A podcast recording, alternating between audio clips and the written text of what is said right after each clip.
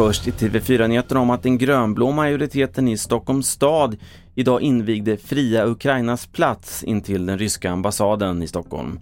Namnbytet beslutades för att visa solidaritet med Ukraina efter den ryska invasionen och en som var på plats idag var Ukrainas ambassadör Andriy Pachotniuk.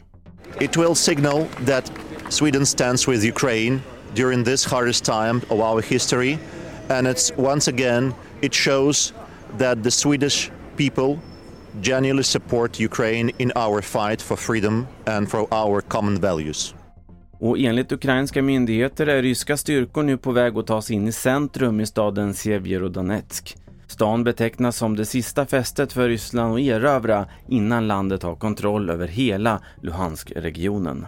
Och om Ukraina även till sist, för nu har vinnartrofén från Eurovision Song Contest som vanns av ukrainska Kalush Orchestra auktionerats ut till förmån för landets armé. Det sista budet landade på 9 miljoner kronor och totalt deltog 31 000 personer i auktionen. Såldes gjordes även frontmannen Oleh Psiuks rosa fiskehatt, den för 3,5 miljoner kronor. TV4-nyheterna, Carl-Oskar Alsen.